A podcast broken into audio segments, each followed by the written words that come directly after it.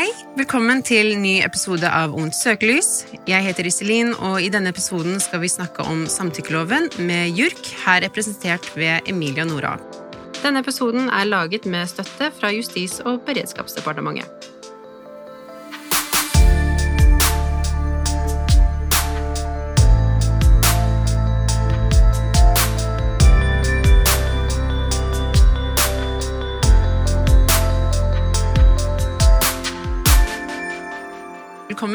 Tusen takk. Kan dere fortelle litt om JURK og arbeidet dere gjør? Ja, det kan vi. Vi kan jo begynne med å si at uh, JURK det står jo da for Juridisk rådgivning for uh, kvinner. Og vi som jobber i JURK, vi tilbyr uh, gratis tilpasset hjelp til selvhjelp for alle de som definerer seg som kvinner. da. og det driver vi med i hele Norge. Gjennom rettighetsinformasjon, rettspåvirkning og bistand i konkrete saker gjennom saksbehandling. da. Eh, og det er jo sånn at eh, Vi i JURK vi er hovedsakelig jusstudenter. Og har du et juridisk spørsmål, så kan du ta kontakt med oss. Og så er det også sånn at Vi i JURK ønsker å bidra til at kvinner er bevisst sin rettsstilling, og at likestilling også praktiseres. Og I tillegg til uh, saksbehandling så jobber vi rettspolitisk. Og et av de prosjektene vi jobber med da, det er nettopp dette med samtykkelov. For vi mm. arbeider for å få på plass en samtykkelov i Norge, da. Og uh slik som det er nå, så bryter jo da Norge Europarådets konvensjon mot vold mot kvinner, Istanbul-konvensjonen. Vi kan jo ta det raskt at etter dagens straffelov så er voldtekt definert som det å skaffe seg seksuell omgang ved vold eller truende atferd, eller ved å ha seksuell omgang med noen som er bevisstløs eller av andre grunner ute av stand til å motsette seg handlingen. Dersom overgriper ikke har brukt vold eller truende atferd, så vil ikke omgangen omfattes av voldtektsbestemmelsen. Så loven pålegger individet å avverge eller fysisk motsette seg overgriperen. Et nei er altså ikke nok. Hvorfor har ikke Norge klart å prioritere en samtykkelov? Det er det nok litt forskjellige grunner til at Norge ikke har eh, klart å gjøre. Eh, for en del år siden var det faktisk sånn at det var ganske mange som var mot samtykkelov i Norge. Vi hadde et forslag om å endre voldtektsbestemmelsen i 2013, men det ble aldri noe av. Og så sent som i 2017 så nedstemte faktisk Stortinget SV sitt forslag om samtykkelov. Men så har debatten heldigvis fortsatt, og nå så ser det ut som at det er et flertall av politiske partier som er for en samtykkelov. da.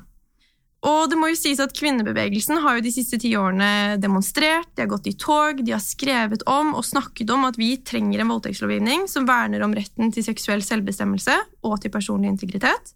Og siden sånn ca. 2017-2018 så ser det ut som flere har forstått eh, problemet. Og vi i JURK vi har siden 2017 holdt eh, foredrag på videregående skoler om voldtekt. Og vi pleier å begynne med å spørre elevene hvordan de vil definere voldtekt. Og da er det veldig mange som sier det er jo sex uten samtykke. Det er vi veldig interessert i å informere folk om, for det viser jo at straffeloven vår ikke gjenspeiler det som yngre generasjoner mener er voldtekt, og at det skal være straffbart. Og så har vi også vært med eh, Amnesty og startet noe som heter Samtykkealliansen. Det gjorde vi fram mot 8. mars 2021 for å prøve å påvirke de politiske partiene før stortingsvalget. Og det kan jo også ha gjort at en del har lest seg opp på dette problemet og saken. da. I tillegg så er det jo, sånn som du nevner, flere og flere som har forstått at Norge ikke oppfyller de standardene som internasjonale menneskerettskonvensjoner setter, f.eks. denne Istanbul-konvensjonen mot vold mot kvinner, uten å ha en samtykkelov. Og flere og flere land i Europa har endret sine lover pga. det, og det venter vi også på at Norge skal gjøre. Og så er det også sånn at Noen eh, få, men sterke stemmer ser ut til å fortsatt være mot en samtykkelov. Eh, det gjelder noen jurister, eh, og det gjelder også Høyre og Frp, som ser ut til å fortsatt være imot. da. Du nevner Samtykkealliansen. Sammen med Samtykkealliansen så har JURK, og også Lightup er en del av denne alliansen, jobbet lenge for at Norge skal definere voldtekt som seksuell omgang uten samtykke. Andre nordiske land, som Danmark, Sverige, Island og Finland, har en samtykkelov. Hvordan ser dere samtykkeloven fungere i andre land, og hva kan Norge lære av dette? Ja, som du nevner, Det er mange europeiske land som har en samtykkelov i dag. Eh, det er kjempemange, jeg kunne nevnt i pleng, men vi tenker jo da å holde oss til kanskje Sverige og Danmark, mm. som begge har samtykkelov. Ja. Eh, og det nyeste i rekka i Skandinavia er jo da Finland. Men hvis vi går til Sverige, de fikk jo i juli 2018 en samtykkelov, for da ble voldtektsbestemmelsen deres endret. Det fikk en ny ordlyd, hvor det står at den som har seksuell omgang med en person som ikke deltar frivillig, skal dømmes for voldtekt. Og I den vurderingen av hvorvidt man er med frivillig, så skal det legges særlig vekt på om det er kommet til uttrykk gjennom ord eller handling, da, denne frivilligheten. Og eh, Forarbeidene til den loven er ganske tydelige på at eh, passivitet og det å være taus ikke uten videre skal tolkes som at man er med frivillig. Og som vi ser det da, så blir på en måte spørsmålet ikke hvorvidt det har blitt sagt nei, men om det i hele tatt er blitt sagt ja. Det er ganske viktig. Og så har man eh, den svenske Brå-rapporten, som har evaluert gjennomføringen av den nye voldtektsbestemmelsen. Og den har konkludert relativt entydig, vil vi si, med at loven virker etter sin hensikt og har hatt en ganske sånn tydelig effekt, eh, selv om den bare har vært i kraft relativt kort tid. Vi har litt statistikk på det. Antallet voldtektsanmeldelser har økt med 21% fra 2017 til 2019. Og vi mener det er rimelig å tro at lovendringen er en av årsakene til den økte anmeldelseshyppigheten som man har sett. Og så er det sånn at Den nye voldtektsbestemmelsen har ført til en mer effektiv eh, strafferettslig forfølgelse av voldtekt. Fordi mens 236 eh, voldtektsanmeldelser endte med tiltale i 2017, så endte 425 saker med tiltale i 2019. Og det er jo en økning på sånn ca. 80 i løpet av to år. Og også når det gjaldt domfellelser, så økte det med 75% fra 2017 eh, til 2019. Eh, og den økningen i antall tiltaler og domfellelser overstiger økning i antall anmeldte voldtekter. Så det er Sverige. Og så har man Danmark. De fikk en samtykkelov i eh, desember 2020. Da vedtok det danske parlamentet enstemmig å eh, endre voldtektsbestemmelsen. Den har litt annen ordlyd. Den fastslår at den som har samleie med en person som ikke har samtykket til det, skal straffes for voldtekt med fengsel inntil åtte år. Og også i Danmark er det sånn at etter at man, eh, den nye voldtektsbestemmelsen trådte i kraft, da, så har man sett en ganske stor økning i antallet anmeldte voldtekter og siktelser. I 2020 så var det 1392 anmeldelser og 1078 siktelser for voldtekt. Og så har politiet i Danmark i perioden 1.1.2021 fram til 23.11.2021 registrert 1720 anmeldelser og 1315 siktelser for voldtekt. Men eh, i Danmark er det sånn at man ikke har sett hvordan den nye bestemmelsen har påvirket antall domfellelser ennå. Sånn at vi ser at i både Sverige og Danmark så baserer voldtektslovgivningen seg på ideen om eh, at enkeltpersoners seksuelle autonomi krever et tydelig rettsvern. Og Derfor mener vi at disse bestemmelsene er samtykkebaserte. Begge land svarer ja på spørsmålet om alle former for ufrivillig sex bør være straffbart. Og det mener jo JURK at Norge også eh, må gjøre. Og som jeg har vært litt gjennom nå, så ser vi at ordlyden i den svenske og danske voldtektslovgivningen er litt eh, ulik. Eh, Sverige bruker begrepet frivillighet, Danmark bruker begrepet samtykke. Men oppsummert så kan vi si at uh, for begge, begge, tilfellene og begge landene så er spørsmålet ikke hvorvidt det har blitt sagt nei, men om det i det hele tatt har blitt sagt ja, da. Dette er hva jeg vil kalle fordeler. Individer føler seg trygge nok til å dele sin historie og flere blir anmeldt for voldtekt. Altså det gir styrket rettsvern for kvinner og for menn som blitt utsatt for seksuelle handlinger mot sin vilje. Finnes det noen ulemper ved en samtykkelov? Det er jo mange som mener mye om eh, en samtykkelov. Og ulempene som dras fram i debatten, mener vi i JURK er overdrevet og fint mulig å unngå. Det unngår vi jo nettopp gjennom et godt samarbeid da, om å utforme denne nye samtykkeloven. Eh, og først, Vi kan jo si at en samtykkelov egentlig ikke handler om å lage en ny lov. Eh, det er bare en enkel måte å si at vi trenger en ny paragraf i straffeloven vår som definerer hva en voldtekt er. Og Det vi i JURK krever, det er at denne paragrafen skal gjenspeile det viktige. Og det er at Den definerende beskrivelsen av en voldtekt må være fraværet av frivillig samtykke. Og Man kan bruke mange ulike ord. Det trenger ikke å stå samtykke i loven. Men essensen må være at, at det er den manglende samtykken eller frivilligheten da, som gjør at handlingen er en voldtekt. Og ja, Motstanderne av en samtykkebasert voldtektslovgivning de hevder jo at en samtykkelov vil skyve lovgivers ansvar for å definere samtykke over på domstolen. For det første så vil vi i JURK si at det er ikke konkludert på hva som skal stå i den norske loven. Og JURK har heller ikke konkludert på hvilke ord som vi mener bør stå i loven. Men om det konkluderes på at det skal stå samtykke, så mener jo vi at det er feil at ansvaret skyves over på domstolene. Det er jo for det første fordi at Norge allerede bruker ordet samtykke mange steder i straffeloven. Det betyr at vi også har mye praksis eh, på hvordan denne regelen skal anvendes, så vi ser ikke på det som problematisk. For det andre så er det fullt mulig for lovgiver å definere hva som skal ligge i begrepet samtykke, utfyllende i lovforarbeidene. Og Forarbeider det betyr de skriftlige dokumentene da, som myndighetene og lovgiver skriver når de lager lovene.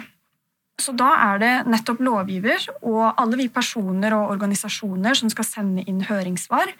Det blir vår oppgave å eh, komme med innspill til hvordan eh, loven skal tolkes, og hva som bør inntas i disse forarbeidene. Da.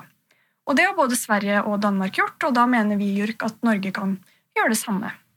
Og så blir det jo også med jevne mellomrom trukket fram hvor formalisert og vanskelig det blir om man alltid skal innhente et samtykke aktivt. Og her tenker jo vi i JURK at kanskje den eldre skare har noe å lære av de yngre. da. Fordi det er ikke usexy å spørre har du lyst, eller føles det bra, eller liker du dette. Uansett så vil vi minne om at et samtykke kan komme til uttrykk på mange måter. F.eks. gjennom handlinger eller blikk eller berøring. I lovforarbeidene til den danske samtykkeloven så er dette forklart veldig grundig, eh, og det tenker vi i JURK at Norge også kan gjøre. da. Og så tenker vi jo at eh, en samtykkelov vil føre til et fokusskifte eh, ved at den vil ansvarliggjøre den parten som initierer til sex. Og dette vil jo styrke den seksuelle selvbestemmelsesretten og signalisere at voldtekt ikke handler om en plikt til å si ifra at man ikke vil ha sex. Fordi I stedet så bør det jo da være initiativtakeren som har et ansvar for å sikre at den andre parten er aktiv og samtykkende. Og så er Det jo også, det blir jo trukket fram et argument om at en samtykkelov kan svekke gjerningsmannens rettssikkerhet. Eh, og Det tror vi er begrunnet i at ordet samtykke kan oppleves litt uklart eller abstrakt, eh, og at det på den måten svekker rettssikkerheten. Men da vil vi jo minne om at det strenge beviskravet i norsk rett det kommer til å være det samme både med og uten en samtykkelov og man er fortsatt uskyldig inntil det motsatte er bevist. I tillegg til at det er jobben vår da, å lage vår lov og kildene vi bruker for å tolke loven, såpass klare og presise at det ikke kommer til å være et problem. Men når alt dette er sagt, så vil det alltid være vanskelige tilfeller når det kommer til voldtekt. Og det er viktig å huske på at eh, en samtykkelov fremdeles gjør at det er påtalemyndigheten som må bevise at den tiltalte er skyldig. Og hvis det er uklarhet om den utsatte har vist samtykke eller ikke, så vil det fortsatt bli både henleggelser og frifinnelser. Mm. Dere nevnte helt kort i stad Frp og Høyre, hvilket var mm. helt feil. Altså, Vi i Lightup og JURK er partipolitisk uavhengig, eh, men i dette tilfellet så har vi begge tatt en veldig tydelig stilling til hva vi mener om samtykkeloven. Hva slags politisk motstand har dere møtt på i arbeidet for en samtykkelov? Ja, det er jo sånn at Både kvinnebevegelsen og JURK siden 2017 har møtt eh, ganske mye politisk motstand i forhold til dette med samtykkelov. Fordi Da vi startet å jobbe med det temaet, så var det bare SV på Stortinget som var for en samtykkelov. Og så startet vi jo, som jeg nevnte, denne samtykkealliansen, denne partipolitisk uavhengige nettverk og organisasjoner, hvor målet var å liksom påvirke flest mulig politiske partier da, opp, mot, eh, opp mot valget. Og da klarte vi jo å påvirke, mener vi, da, men eh, de tre partiene som ikke hadde vedtatt å jobbe for samtykkelov i sitt, sine partiprogrammer, det var jo da Frp, Høyre og Senterpartiet. Og det er jo særlig Høyre vi møter mest politisk motstand fra. Eh, I begynnelsen så var det både Senterpartiet og Høyre. Men eh, så gikk jo Senterpartiet i regjering, og da har de forpliktet seg gjennom den Hurdalsplattformen å legge fram et lovforslag om samtykkelov. Og så må det jo nevnes da at det var jo Høyre i Solberg-regjeringen som eh, startet arbeidet med å utrede en samtykkelov, og som eh, formelt ga det oppdraget til Straffelovrådet. da. Når, når, er det egentlig sannsynlig at uh, en slik uh, lovendring eller samtykkelov trer i kraft i Norge? Er det i hele tatt noe vi kan forvente oss? Ja, eh, vi fikk jo dette lovforslaget fra Straffelovrådet i desember 2022. Ja. Eh, og det som kommer til å skje, Jeg kan dra litt gjennom på en måte ja, hvordan det fungerer. Ja. Eh, på bakgrunn av det lovforslaget så skal Justis- og beredskapsdepartementet eh, lage et konkret forslag til samtykkelov. Og Nå er det jo ute på offentlig høring med frist 13.4.2023. Eh, det betyr jo at alle organisasjoner og personer, advokater, politi, JURK kan si sin mening om dette forslaget. da. Så kommer Justis- og beredskapsdepartementet til å lese alle høringssvarene, og det kan jo ta litt tid. Så kommer de til å gjøre eventuelle endringer i forslaget og lage en lovproposisjon. Og så skal regjeringen godta forslaget, og så skal forslaget til en komité på Stortinget, i dette tilfellet vil det være justiskomiteen, som skal skrive en innstilling, og det betyr altså en anbefaling da, til Stortinget om de skal stemme ja eller nei. Det kan også ta noen måneder. Og komiteen kan også velge å ha en høringsrunde til, enten som muntlig høring um, i komiteen på Stortinget, eller så kan de åpne for skriftlig innspill til uh, komiteen. Og så skal denne innstillingen, eller lovforslaget, uh, stemmes over to ganger på Stortinget. Så det vil ta noen måneder til loven trer i kraft, uh, kanskje lenger. Så på bakgrunn av det kan man si at det er litt uklart når vi får en samtykkelov. Mest sannsynlig ikke før 1.1.2024, og kanskje tar det også litt lengre tid. Vi får se. Men dere har troa? Vi har troa. Ja. um, vi har eh, kort snakket litt om liksom, prosessen som er rundt en lovendring. Og det er en del, virker det som. Det kan ta lang tid, og det er mange som har en mening om det. Eh, hvordan, sett at en samtykkelov faktisk kommer på plass, hvordan kan en slik lov best reguleres eller følges opp? Ja, Det er jo mange måter en samtykkelov kan utformes på. Eh, og vi tenkte ikke å si nå hvilken måte som er den beste, fordi vi har ikke konkludert på en ordlyd ennå. Eh, men det vi tenker er viktig, det er at det er mangelen på frivillig samtykke som skal være det definerende elementet da, i hva som er voldtekt. Og så må jo dette følges opp av påtalemyndigheten og domstolene og befolkningen for øvrig. Og der er det jo også en jobb som må gjøres. Eh, men vi mener at en endring av loven er et helt nødvendig første steg på veien. Da. Og det er jo nettopp fordi en lovendring vil gjøre forebyggingsarbeidet enklere, og loven er også normskapende. Og det vil også være lettere å bruke loven når man snakker om hva som er lov og ikke lov, og når man snakker om grensesetting. Og vi i JURK vi erfarer at ungdommer syns det er vanskelig å si hvor grensen går for hva som er straffbart og ikke, eh, når vi forteller dem hvordan dagens lov ser ut. da. De ungdommene vi møter, de mener at voldtekt er sex med noen som ikke vil. Og vi tror jo at en samtykkelov vil gi oss et språk for å snakke om samtykke og hva som er og ikke er et samtykke, og hvordan den som initierer til sex, har et ansvar for å sikre seg at den andre parten har lyst. da. Mm. Dere møter veldig mange mennesker, både jeg, som eh, JURK, men også da i samtale med ungdom, som dere nevner her. Er det noe dere savner fra debatten om en samtykkelov i Norge? Ja, kanskje enda mer fokus på at det er ja betyr ja, som faktisk er en samtykkelov. Mens nei er nei, det er egentlig ikke en samtykkelov. Ehm, nei er nei er selvfølgelig bedre enn det vi har i lovgivningen i dag.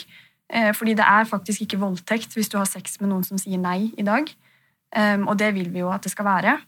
Men JURK mener at vår samtykkelov må ta utgangspunkt i at ja betyr ja, eh, som vil si at personen må ha gitt uttrykk for å ha lyst på sex før du kan ha sex med personen. Og så tenker vi at debatten mangler forskjellen på generasjonene. Fordi eldre generasjoner kan kanskje være litt skeptisk til samtykkelov, mens de fleste yngre i dag, i hvert fall etter at vi har vært rundt på videregående skoler, de mener at voldtekt er sex uten samtykke. Så vi ser jo at en samtykkelov i større grad vil gjenspeile hvordan de yngre, som jo er fremtiden, ser på voldtekt i dag. da. Og så tenker jeg jo også at eh, menneskerettighetene er ganske underkommunisert i denne debatten, eh, i tillegg til ulike rapporter som blir skrevet om Norge. Fordi det får faktisk veldig lite mediedekning og oppmerksomhet, selv om det er kjempeviktig. Og samtykkelov må til for at Norge og våre lover virkelig skal oppfylle de menneskerettslige standardene vi har skrevet under på. Mm. Hvordan kan ungdom og voksne, slik som meg selv og andre i Lighto f.eks., engasjere seg i kampen for en samtykkelov, eller engasjere seg i arbeidet dere gjør i JURK? Ja, jeg tenker jo at det er viktig å um, følge med i debatten, da. Fordi ja. uh, det vi opplever når vi er på videregående skoler, og når vi snakker om det her, så er jo det at ungdommer har et litt eh, Kanskje et annet syn enn de eldre generasjonene. Da. De sier at eh, voldtekt er sex uten samtykke. Eh, men det er jo det med bevisstgjøring som er kjempeviktig. Det er veldig viktig at folk skriver leserinnlegg, og at de engasjerer seg. Mm. Eh, det tenker vi jo, da. Mm. Eh, så er det jo klart at det er jo et litt sånn kronglete, vanskelig tema å sette seg inn i, og kan bli litt sånn teknisk, juridisk og sånne ting, da. Men sosialt engasjement er kjempeviktig. Eh, også sånn at de politiske partiene liksom ser hva folk faktisk mener om det temaet i dag. Da. Det tenker vi er kjempeviktig. Ja, Og de kan også følge JURK på sosiale medier? Det kan de gjøre. Vi, kan vi. eh, vi har, jeg syns vi har en veldig fin Instagram, hvis vi kan eh, skryte litt Ja. av oss selv. Hvor vi legger ut eh, eh, mye, eh, mye sånn type ting da, som engasjerer oss. Mm, mye rettighetsinformasjon både på Instagram og Facebook. Vi heter jurk.no på Instagram. Kjempefint. Um, har dere noen ytterligere refleksjoner eller tanker som dere ønsker å løfte frem? Ja, Siden vi nå har fått dette forslaget fra Straffelovrådet, så tenker vi at vi kan snakke litt om det. da. For Ja, det, er jo, det er jo litt spennende. Um, og skrives jo en del om i Ja. media og sånn. Bare sånn For å forklare kort hva det er for noe, da, Straffelovrådet i det hele tatt, så er jo det et utvalg mennesker som ble nedsatt av forrige regjering i 2021. Hvis oppgave er å lage dette forslaget her, da.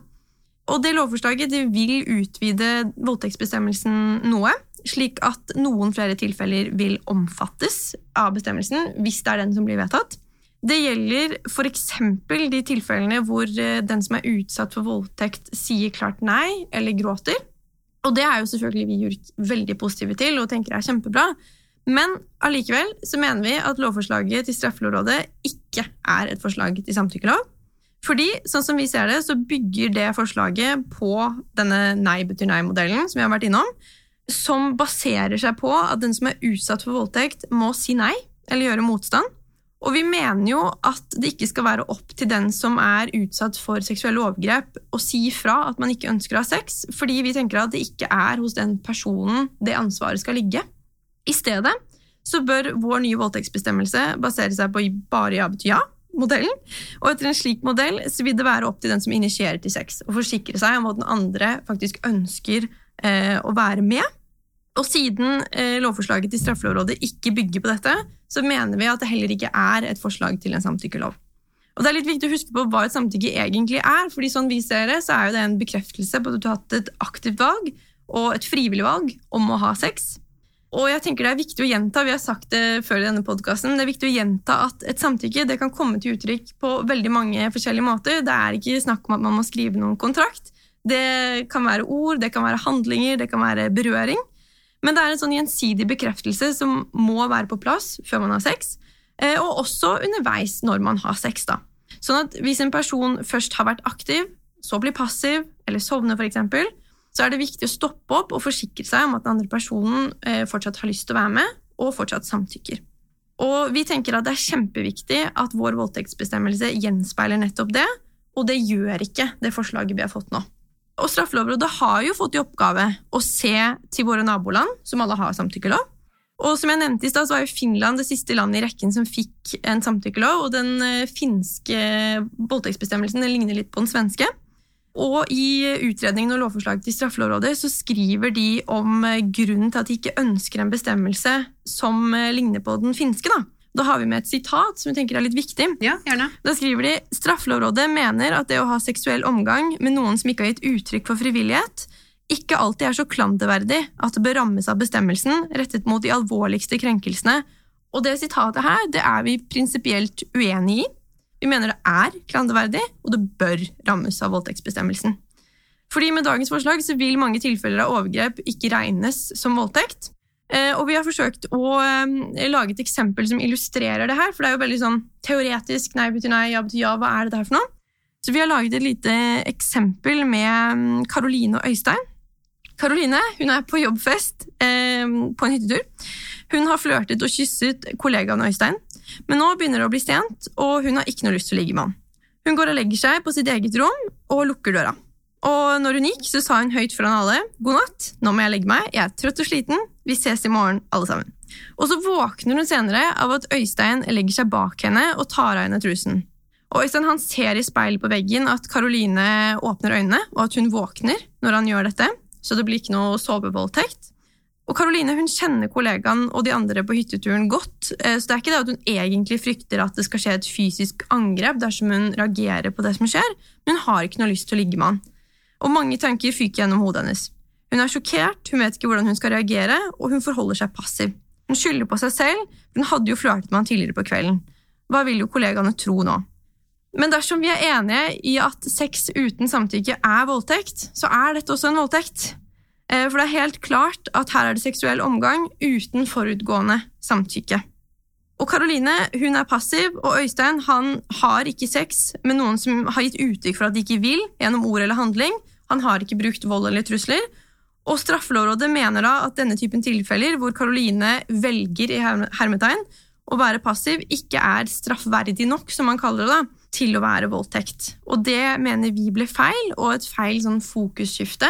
For det skal være den som initierer, som på en måte forplikter seg til å sjekke at den mm. andre faktisk har lyst til å være med på det her. Da. Mm. Og det er jo ofte i de eh, tilfellene som vi leser om eller hører om, eh, hvor denne type episoder har skjedd, så er det ofte at personen, her i dette tilfellet Karoline, mm. rett og slett er i sjokk mm. eller fryser til, klarer ikke å bevege seg, er ute av stand til å gjøre noe eller si noe. Mm. Og det er jo, som du sier, da, det faller ikke under om at det er voldtekt, og da sitter du igjen med Ja, altså livet ditt har rett og slett blitt snudd på hodet, da. Mm. Mm. Ja, for det er jo sånn at vi har jo, som du nevnte i begynnelsen, et sånt ute av stand-alternativ, både i den eh, bestemmelsen vi har nå, og også i lovforslaget, så ønsker de i hvert fall å beholde ute av stand. Mm. Eh, men det som har vært eh, litt av problemet akkurat som, med det du sier med det å fryse til, er jo at den terskelen i rettspraksis er veldig veldig høy mm. for at man skal rammes av, av akkurat det, den delen av bestemmelsen. Da. Så det er en del som liksom faller utenfor.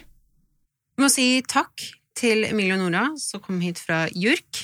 Ønsker å lære mer om samtykkeloven, så anbefaler jeg at dere sjekker ut nettsiden samtykkelov.no. Der kan du også lese mer om hvilke partier som støtter en samtykkelov.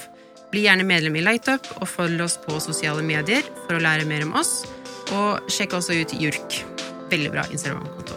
Du finner oss som Lightup Norway på Instagram og på Facebook.